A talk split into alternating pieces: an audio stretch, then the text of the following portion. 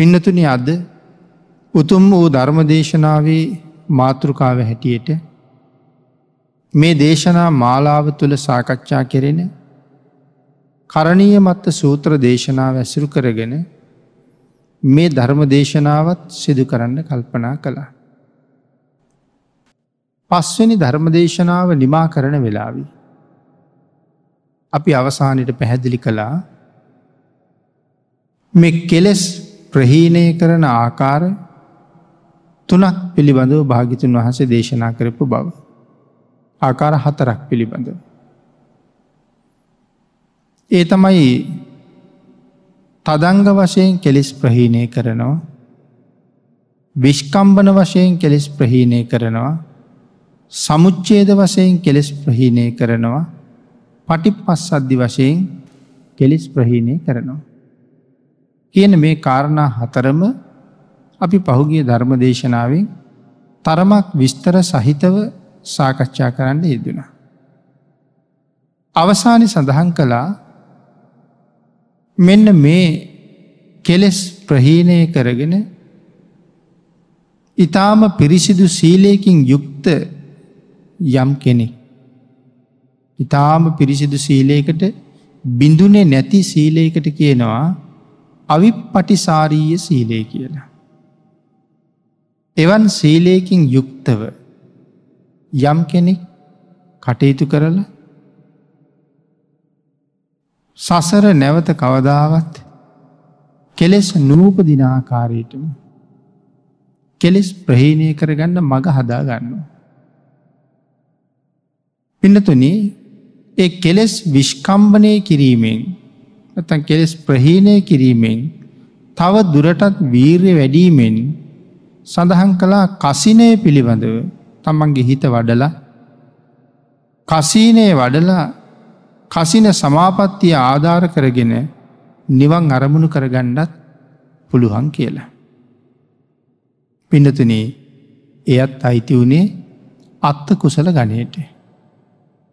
මේ අත්ත කුසලයක් නමුත් යම් කිසි පුද්ගලයෙක් සමාපත්තිය ආධාර කරගෙන එම නැත්තං නුවනින් කල්පනා කරලා බලල අරහත්වයට පත්වෙන වනන්.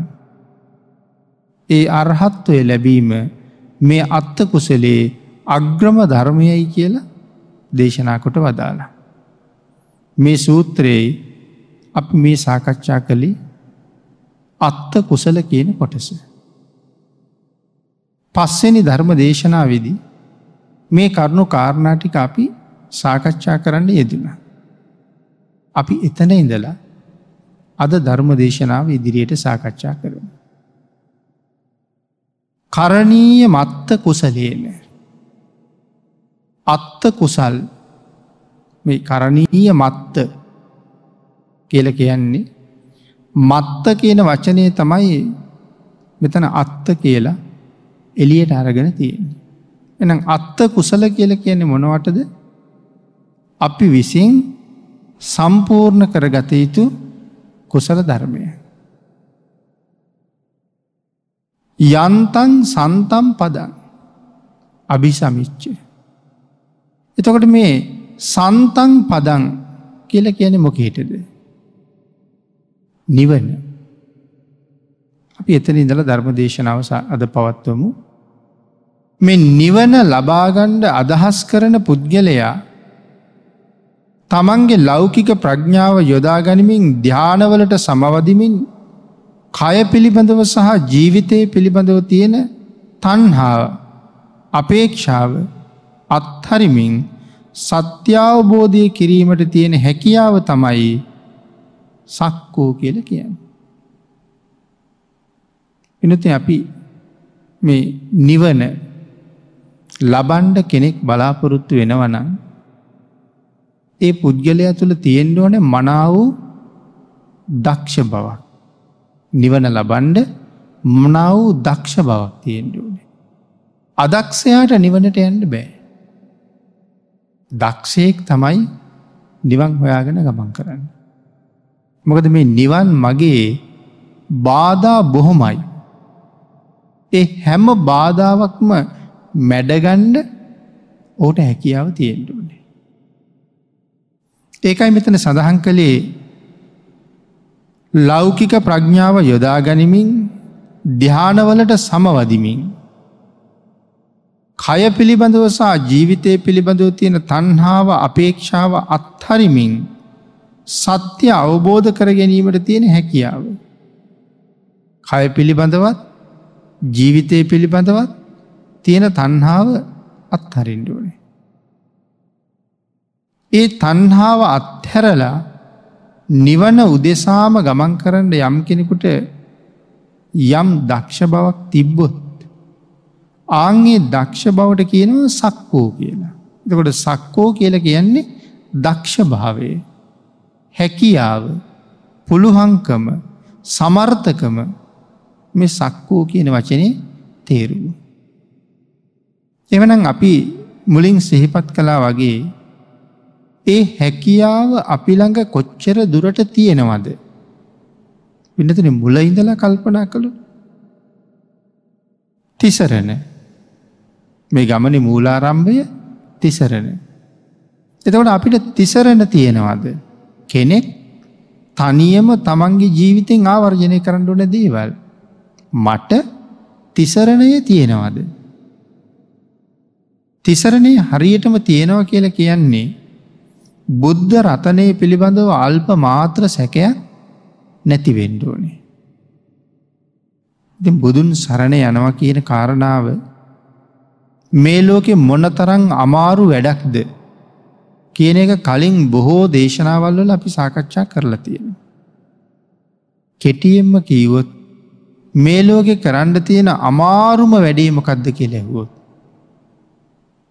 පින්නතුනී කියන්න තියන බුදුන් සරණයමයි කියලා. ඊට වඩා අමාරු දෙයක් ලෝකෙනේ. නමුත් බුදුන් සරණයන්ට එච්චරම අමාරුයි. ඇයි ඒ බුදුන් සරණයන්ට අමාරු අපේ මේ පෘතජ්ජන මනසට බුදුරජාණන් වහන්සේව තේරෙන්නේ නෑ. ඒ නිසා භාග්‍යතුන් වහන්සේ ගැන සඳහන් කරලා තියෙන කරුණු අපිට අද සැක උපදින්ට හේතුවෙන කරුණු. යම් කරුණක් සම්බන්ධයෙන් යමකුට සැකයක් තියෙනවනං ඔහුට තාම බුදුන් සරණයන්ට බැරිවෙච්ච කෙනෙක්. එමනං ශ්‍රද්ධහා ශීර්ෂයෙන් කල්පනා කළ යුතුයි සම්මා සම්බුදුරජාණන් වහස පිළිබඳව. නිර්මල ත්‍රිපිටකයේ යම්තා කරුණු දේශනා කළාද.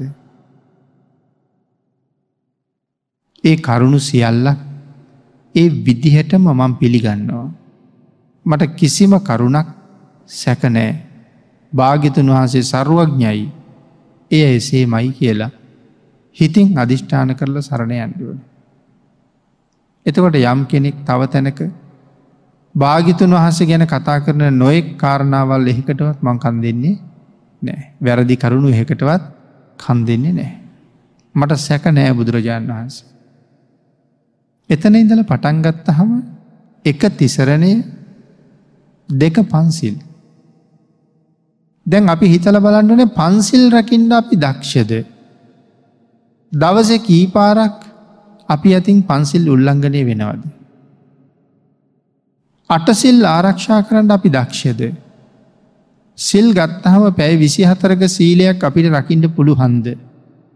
උදේ සමාදන් වෙච්ච සීලය ඒ විදිහටම පිවිතුරුව පහුවදා උදේ පවාරණය කරනකං ආරක්ෂා වනාද ආරක්ෂා වනේ නැත්තන් තැන්තැන්වල ගැටලු තියෙනවන අපි තාම එවන් වූ සීලය ආරක්ෂා කරන තරන් දක්ෂ මදි. ඒකට පුරුදු වෙන්ඩෝනෑ එක ආරක්ෂා කරන්න දක්ෂයෙක් වෙන්ඩ. අන්න ඒ දක්ෂතාවේ තමයි මෙතන සක්කෝ කියලා කියන්නේ. ඒ දක්ෂතාවය මෙතන ඉඳල නිවන දක්වාම ඉදිරියට පවත්වන්ඩ ඕනේ. එමන පිඩතුන ඊළඟට පැහැදිලි කරනවා මේ කාරණාවම ඔහු දක්ෂයෙක් නං මනාව සීලය ආරක්ෂා කරනවා කියලා. ඊළඟට ඔහු දක්ෂයෙක් නං දැනගණ්ඩ ඕනෑ ඒ සීලය ආරක්ෂා කළ යුත්තේ කොහොමද කියලා. තැන් අපි කීයක් දේවල්ලෝට පින්නතුනි සැලසුම් හදනවද. යම් වැඩකට ගියහම ඒක කරන්නේ කොහොමද ඒකට මුදල් කොච්චර ඕ නැද මේක පටන්ගන්නේ කවද්ද මේක කොතනින්ද පටන්ගන්නේ කොහොම පටන්ගත්තොත් හරියට ඉවර කරන්න පුළුවන් වෙයිද. මේ මේ විදිහට කොච්චර සැලසුම් හදනවද යම් වැඩක් කරන්න. අන්න ඒවාගේ තමයි මනාව සිල් ආරක්ෂා කරන පුද්ගලයා. සැලසුම් හදන්ඩුවන ජීවිතයේ. මම මොනවද කළ යුත්තේ මම මොනවද නොකළ යුත්තේ. මොන වෙලාවටද මේ දේවල් කළ යුත්තේ. කොහොමද කළ යුත්තේ කියලා මනාව ඔහුට අවබෝධ වෙන්ඩුවනේ. ගුණ ධර්ම පුරණ පුද්ගලයා තමන් කළ යුතු නොකළ යුතු ධර්මතාවයන් මුලින්ම තීරණය කරලා නොකළ යුතු දේවල් අත්හරින්ඩෝනේ. කළ යුතු දේවල් වල යෙදෙන්ඩෝනෑ. එන මොන වෙලාවටද කරන්න. බුදුන් වදින්නේ කොයි වෙලාවටද. බණ අහන්නේ කොයි වෙලාවටද. දහම් පොත්පත් කියවන්නේ කොයි වෙලාවටද. වෙනත් ආධ්‍යාත්මික ජීවිතය වෙනුවෙන් කරන කටයුතු වගේම ගිහි කෙනෙක් නං ලෞකික ජීවිතය පෝෂණය කරගන්න කටයුතු පිළිබඳව මම යෙදෙන්නේ කොහොමද. ඒ සඳහා කැප කරන කාලය කොච්චරද. මේ මේ දේවල් දවස ඇතුළේ කාල සටහනක් වගේ වෙන වෙනම වෙන් කරලා තියා ගණ්ඩුවනේ. අං එහෙම කාලය මනාව කළමනා කරණය කරගණ්ඩ පුළුවන්නන් ලෞකික ජීවිතයටත් ආධ්‍යාත්මික ජීවිතයටවත් දෙකටම ගැලපෙන විදිහට. අං ඒ පුද්ගලයා දක්ෂය කියර කියන. එලවයි මෙලවයි දෙකම දිනන වැඩ පිළිවෙලක් හදන කෙනෙ. ඔහු සුදුසුයි සක්කෝ කියල කියන්ට. දක්ෂය කියල කියන්ට. ඊළකට පින්නතනී මේ සක්කෝ කියන ගුණාංගය නිසා යම් කෙනෙක් මෙලෝ වගේම පරලොවත් දිනනවද ඔහු එලවයි මෙලවයි දෙකම සතුටු වෙන කෙනෙ. මෙහෙත් සතුටින් හිටිය මැරිල ගිහිල්ල පරලොවත් සතුට වෙනවා. පුදුම නිර්භය බවක් ඔහුට තියෙනවා. දැන් අපි කොච්චර දේවල්ලොට බයයිද. සමහර වෙලාවට මෙහෙම ඉඳගෙන බණහනකොට පිටිපස්සෙන් ලොකූ පිපුරුමක් ඇහුණුත් අපි ඔක්කොම ගැස්සෙනවා. හදිසි අකුණක් පිපුරුව අපි ඔක්කොම ගැස්සෙනවා. තවත් නොඒක් දේවල් එක අපිට තියෙනවා බය සුලිසුරන් එනවා කියනවා ගංවතුර එනවා කියනවා වසංගත එනවා කියනවා. ඒ බයෙන් මිදෙන්ඩ අපි කොච්චර දේවල් කරනවාද. නමුත් මෙ සක්කෝ කියන ගුණය මනාව දියුණු වෙච්ච පුද්ගලය බොහොම නිර්භයයි. ඔහුට වසංගතාවත් කමක් නෑ. ඔහුට ගංවතුරාවත් කමක් නෑ. ඔහුට සුනාමියාවත් කමක් නෑ. කිසි දේකට බයනෑ. හේතුව තමන් වැරදි නැති බවත්. අවිප්පටිසාරීය සීලයක් නැතං බිඳුනේ නැති නිර්මල නිමල සීලයක් තමන් තුළ තියෙන බවත් ඔහු හොඳට දන්නවා. එනතන අපේ ජාතකපොතේ තියෙනවා ජයද්දිස කියලා ජාතක කතාව. ජයද්දිස රජ්ජිරුවන්ගේ පුතා අලීන සත්තු. ජයද්දිස රජ්ජිරූ කැලෑවිදි පෝරිසාදයකුට අහු වෙලා පෝරිසාදයට පොරොන්දුවක් දෙනවා මාලිගාවට ගිහිල්ල ආයෙත් එන්නම් කියන. ඉති එන්නම් කිවොත් එනවම තමයි. ජීවිතය නැති කළත් යනවා වචන බොරු කරන්නේ නෑ. පුතාට අඩගහල රාජ්‍ය භාරදීල යන්ඩ යනකොට පුතා කියනවා තාත්තේ ඔබ නැති රාජ්‍යයෙන් මට වැඩක් නෑ. ඔබේ පනත් මගේ පනත් දෙකක් නෙමෙයි. එහිද යන්ඩම ඕනනං මගේ පණ තාත්ත ගණ්ඩ. තාත්තගේ පණ මට දෙෙන්ට. තාත්තනි මැරෙන්ඩ යන්නේ පොරිසාදයට කණ්ඩ යන්නේ තාත්තා. එ තාත්තගේ පණ මට දෙන්න කියල කියන්නේ මම යන්න. තාත්තා ගියත් මාලිගාවේ ඉතුරුවෙන්ඩ ඕනේ මමනේ මගේ පණ තාත්ත ගණ්ඩ. අරගෙන මාලිගාවට වෙලා ඉන්ඩ.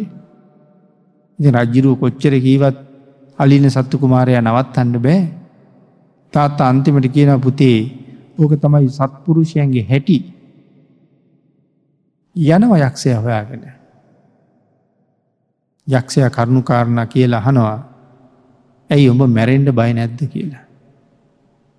ඉටස කුමාරය අහනවා මැරෙන්ඩ මැරෙන්ඩ මොකටද බයවෙන්නේ. මගේ නම් මරණය සම්බන්ධ අල්ප මාත්‍ර බීතියක්වත් නෑ කියලා. යක්ෂය අහනුව ඇයි බය නැත්තේ.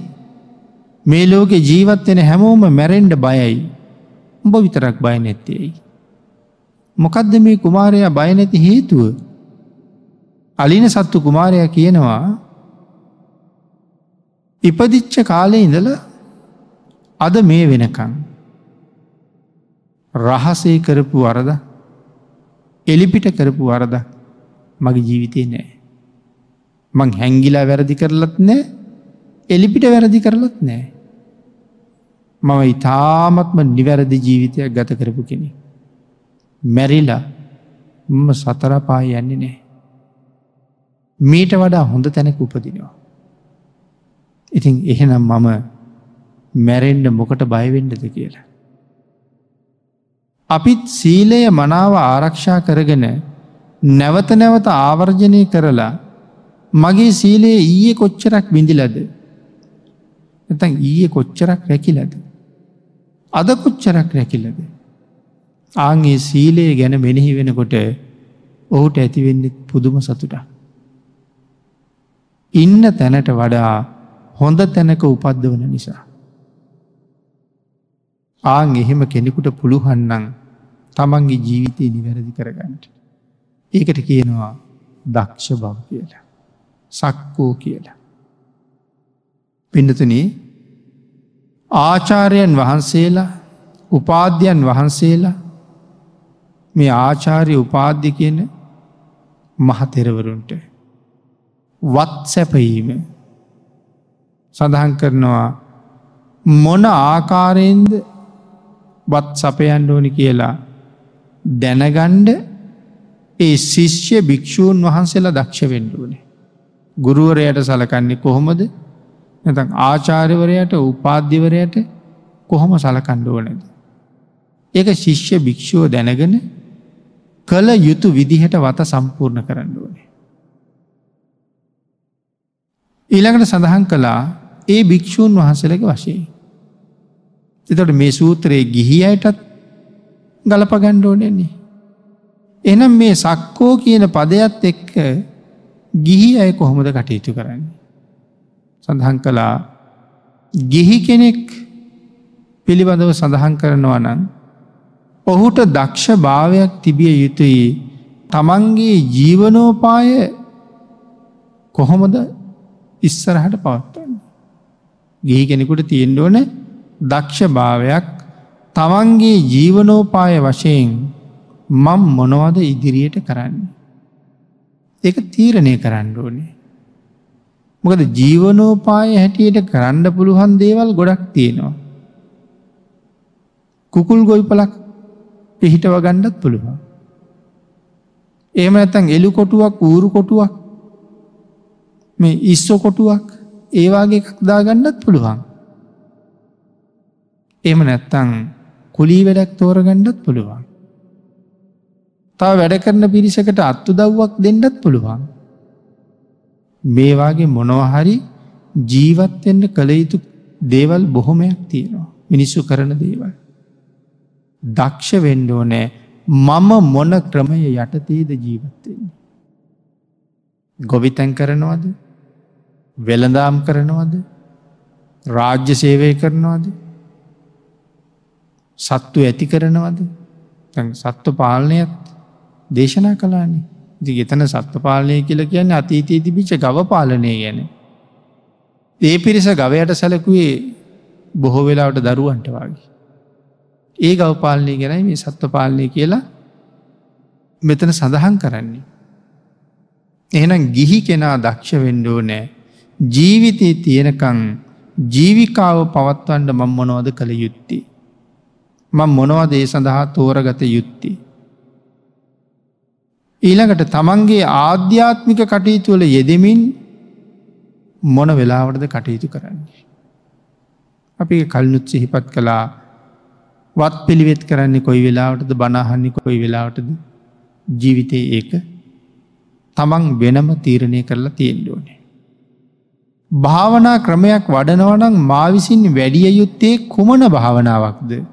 භාවනා ක්‍රම ගොඩාක් තියෙනවා. මං විසින් කළ යුත්තේ මොන භාවනාවද. තමන්ට ඒක තීරණය කරගන්න දක්ෂ බවක් තියෙන්ඩුවනේ. හැම භාවනාවම කලා කියලා අපිට සමහර විට පලයක් ලැබෙන එකක් නෑ. හැම එකම ටික ටික කරනවට වඩා එකක් හොඳට ප්‍රගුණ කරගන්න එක බොහොම හොඳ වෙයි කියල හිතෙනවා. එමනම් රාග චරිතයක් නම් මොනවාගේ භාවනා ක්‍රමයක් සුදුසුයිද. රාග චරිතයට අසුභ භාවනාව. දේශ චරිතයට මෛත්‍රී භාවනාව. මේ අදි වශයෙන් ශ්‍රද්ධහා චරිතවලට බුද්ධි චරිතවලට සුදුසු ඒ ඒ භාවනා ක්‍රම වෙන වෙනම දේශනා කරලා තියෙන.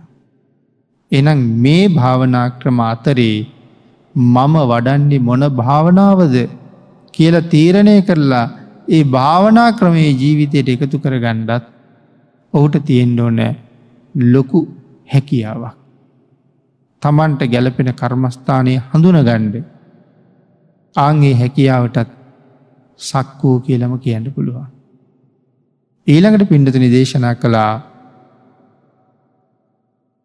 තමන් විසින් නිරන්තරයෙන් කරන ආධ්‍යාත්මික කටයුතු දවසින් දවස දියුණු කරගනිමින් ඉතා උනන්දුවෙන් ගෝමනාවෙන් සම්පූර්ණ කරගන්න එක වටිනවා. ඊළඟට තීරණය නොකරන කෙනෙක් ඉන්නවනම් අපි මොනවද කරන්න ඕනි? කොහොමද හැසිරෙන්ඩ ඕනි? කොහොමද ජීවිතයේ සකස් කරගණ්ඩ ඕනි? කියන කාරණාව යම් කෙනෙක් තීරණය කරන්නේ නැත්තං. ඒ පුද්ගලයටත් සක්කෝ කියල කියන්න පුළුවන්ද. එයා හිතුන හිතුන වෙලාවට වැඩ කරන කෙනෙ. දැන් හිතුනොත් දැන් කරනවා. තීරණයක් තීරණයක් නෑ. ඔවුන් සක්කෝ කියන ගනයට අයිති වෙන්නෙත් නෑ. පිඩතුනේ තමන්ගේ උතුම් කටයුතු නිමාවුනාට පස්සේ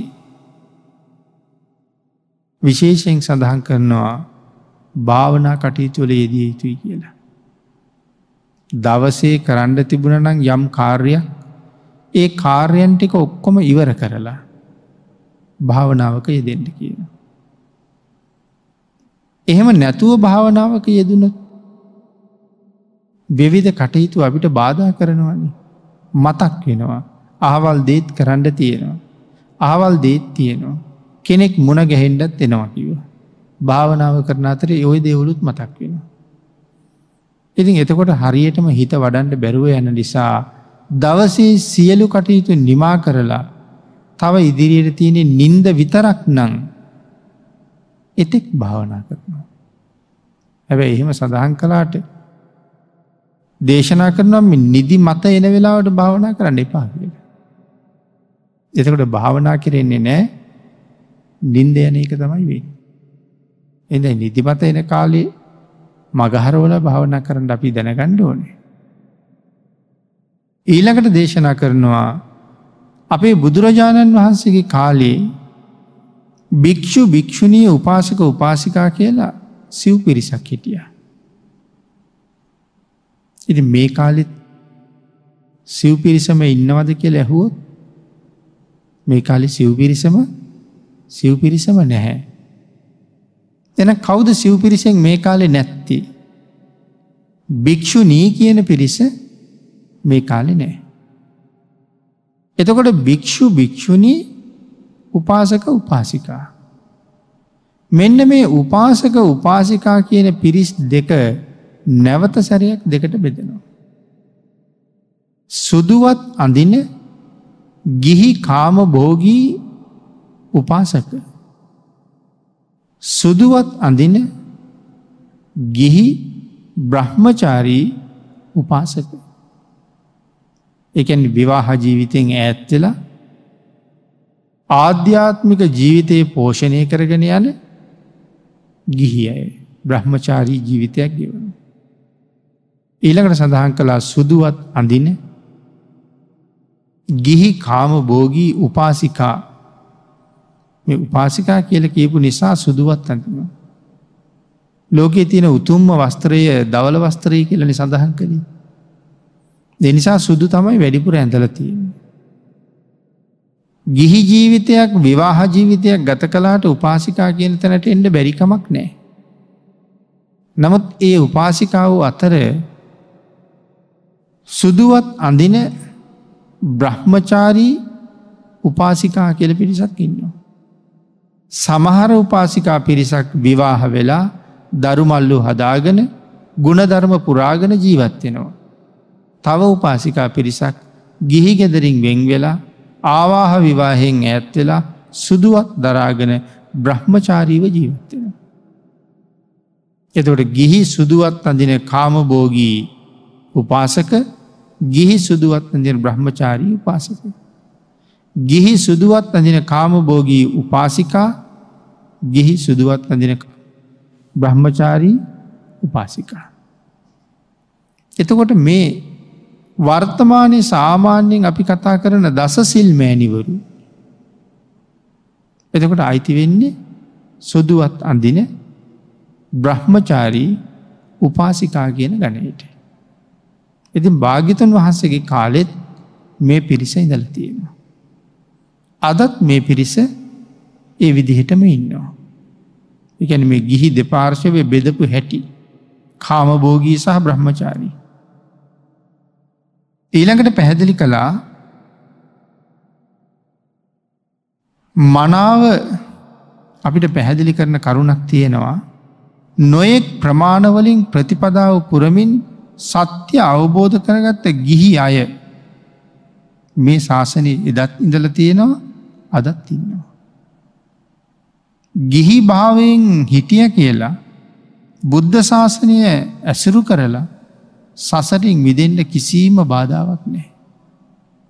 නොෙක් ප්‍රතිපදාවල් පුරන්න පුළුවන්.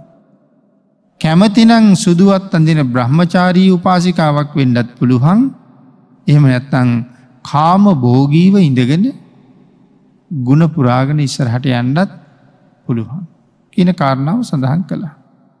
පිඩතන භාගිතුන් වහසේ ඒ සඳහා කරුණු කාරණත් පෙන්නලා තියෙනවා. මේ මාර්ගවලින් කැමති මගක් තෝරගන්ට. ඉතින් කාම බෝගී කෙනෙකුට වඩා බ්‍රහ්මචාරී කෙනෙකුගේ නිවනගාවට යන ගමන වේගවත් වෙන්ඩ පුළුවන්. නමුත් ගුණපුරන්ඩ දෙගොල්ලටම ඉඩ තියෙන. ඊළඟට දේශනා කරනවා කවුරු හරි හිතනවද අවශ්‍ය ප්‍රමාණයට අඩුවෙන් ගුණධර්ම සම්පූර්ණ කරලා නිවන්දකින්ට පුළුවන් වෙයි කියලා. ඒක දේශනා කළා එහෙම හිතනවනං එක මුලාවක්මයි කියලා. අවශ්‍ය ප්‍රමාණයට අඩුවෙන් ගුණපුරලනං මේ නිවනගාවට යන්ඩ අපිට පුළුවන්කමක් නෑ. බුදුරජාණන් වහන්සේ දේශනා කලානං යම් මට්ටමක් ඒ මට්ටම තියෙන්ඩ මෝන පින්නතුනි. පන්සිල් ආරක්ෂා කරන්න කීවනං ඒකින් සිල්පද හතරක් ආරක්ෂා කරලා ඒ ගමන යන්න බෑ. හැම සිල්පදයක්ම ටිකටික පළුදු වෙලා නං ඒ ගමන යන්ඩ යන්න බෑ. පන්සිල් ආරක්ෂා කරගෙනත් නිවන් යන්න පුළුවන්. හැබැයි අටසිල් දසසිල් රකිනායට වඩා ටිකක් පරක්කු වෙලා එන්න පුළුවන්. මගේ යන්ඩ පුළුවන් ගමන තියෙනව පරක්කුවක්. මොකද සීලයේ ප්‍රමාණයට. අනිසා දේශනා කරනවා ගිහි කෙනෙක් හැටියට නිවනට යන්ඩ කොයිවාගේ ප්‍රමාණයක් සම්පූර්ණ කළ යුතුද. ඒ ප්‍රමාණය සම්පූර්ණ කළ යුත්තේ කොහොමද කියලා.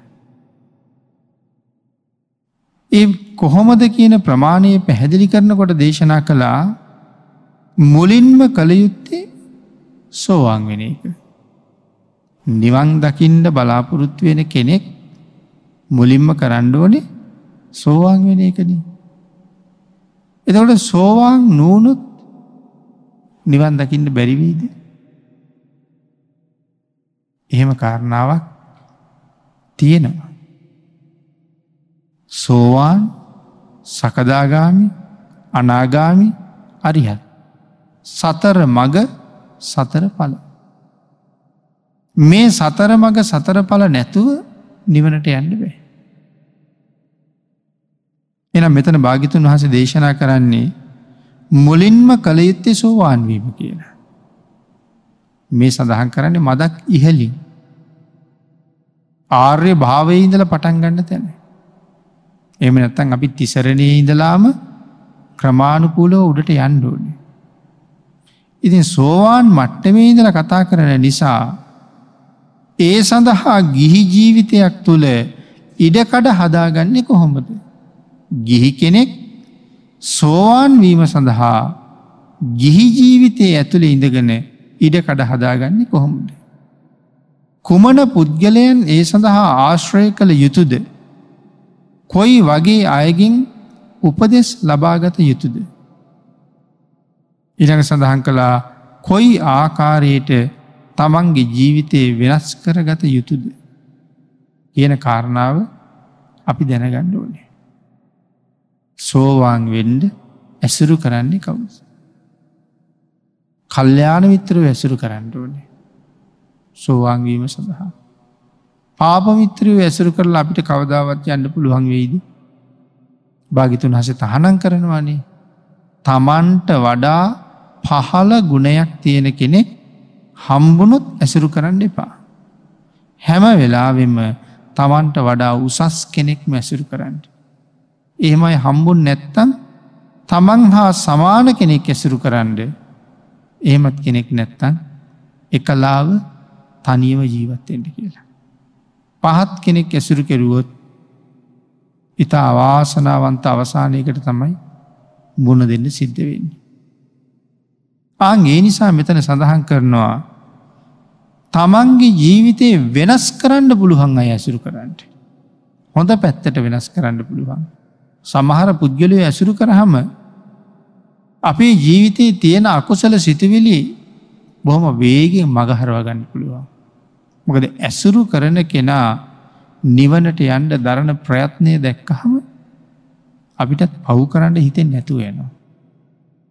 අපිටත් ඒ මගට එහෙම්මම බැහැගණ්ඩ හිතෙනවා. එනිසා ජීවිතය වෙනස් කරගත යුත්තෙ කොහොමද. ඇසුරු කළ යුත්තෙ කවුද. කළ යුත්තෙ මොනවද. මනාව දැනගණ්ඩ ඕනේ. සීල විපත්තියෙන් බේරීමට තමන් කලින් කරපු වැරදි දේවල් නවත්තන්නේ කොහොමද. අපි කාලයක් තිස්සේ වැරදි වැඩ කරගෙන යනවා. පස්සේ හදිසියේ හොඳට බණක් අහන්ඩ ලැබෙනවා.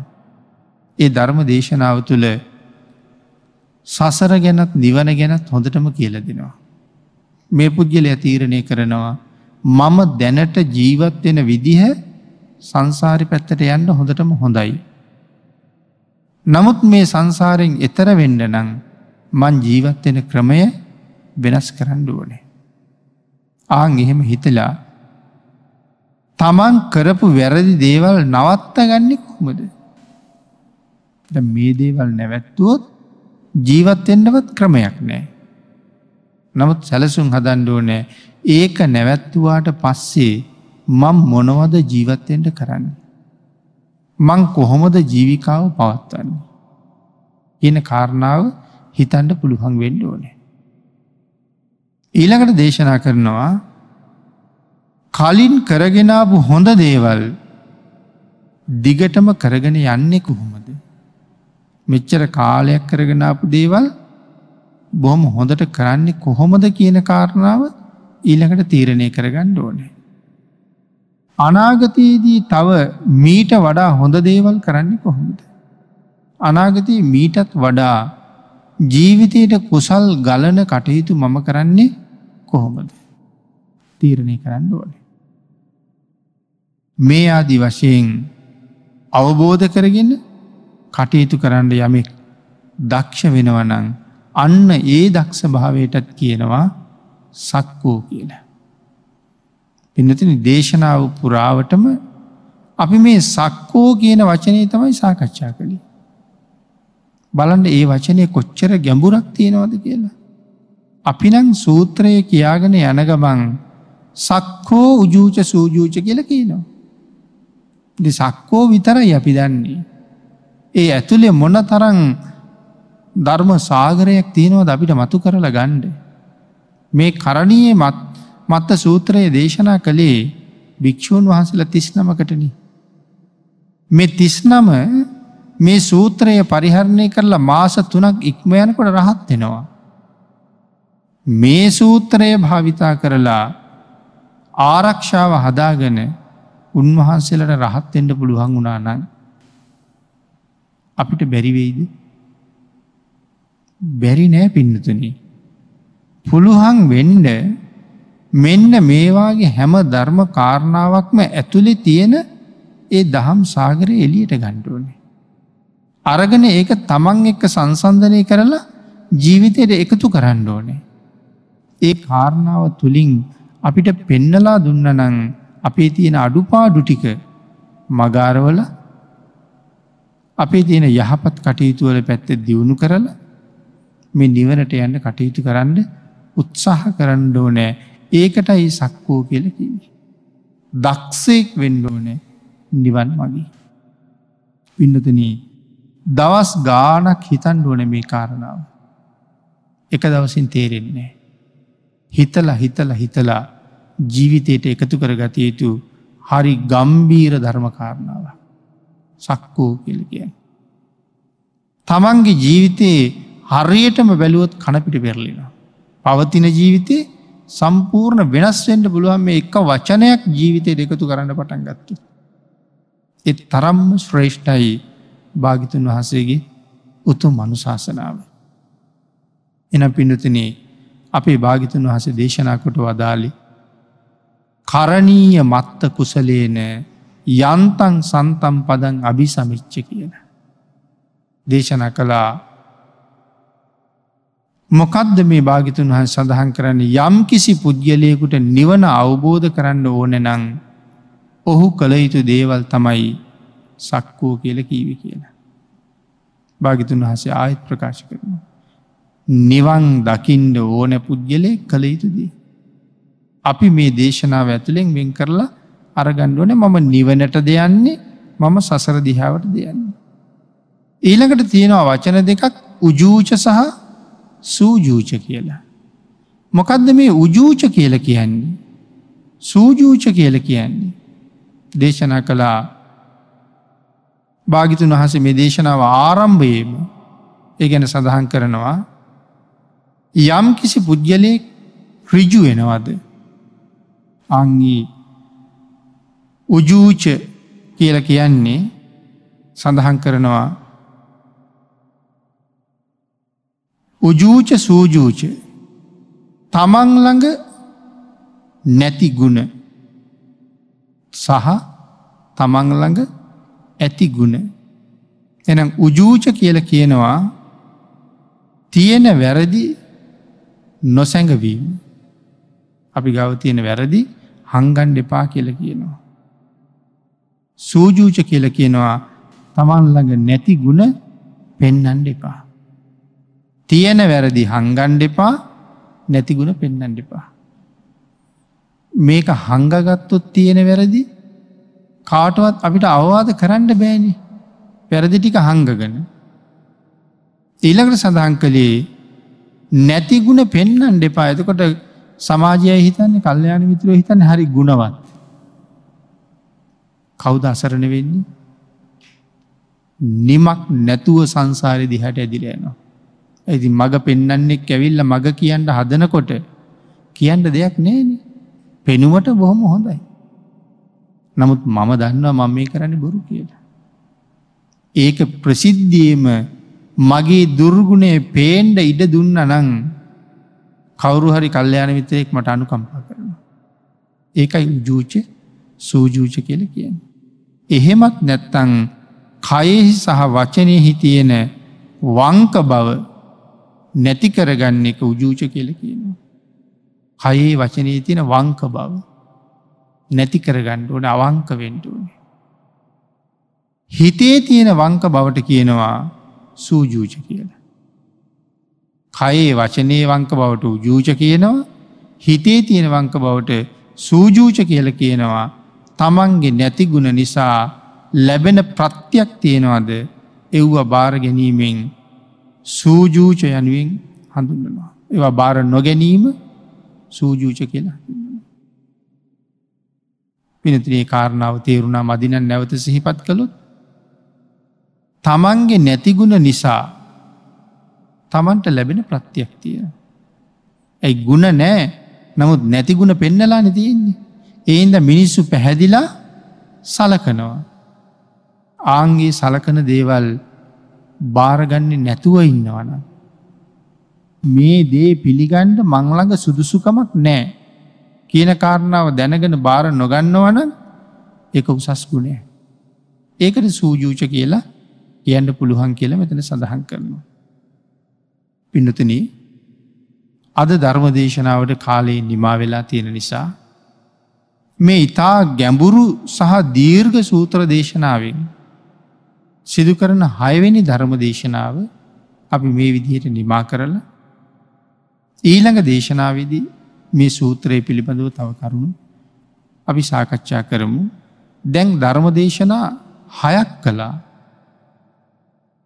පින්නතුන තවම බැරි වුණා කරණීමත්ත සූත්‍රයේ පලවෙනි ගාථාව ඉවර කරගන්නට.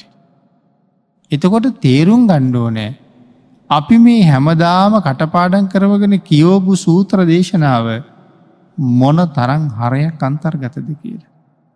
ධර්ම දේශනා හයක් තුළ තාමත් පළවෙනි ගාථාව ඉවරණය. දෙනම් මේ සූත්‍රයේ ගාථා දහයයි අපිට තියෙන්නේ. මේ ගාථා දහය දිගහැරල ගත්තුත්. මුළු ජීවිතයම පෝෂණය කරලා සසරින් මුදවන්ඩ පුළුවන් ධර්ම සාගරයක් මේ සූත්‍රය ඇතුළි තියෙනවා.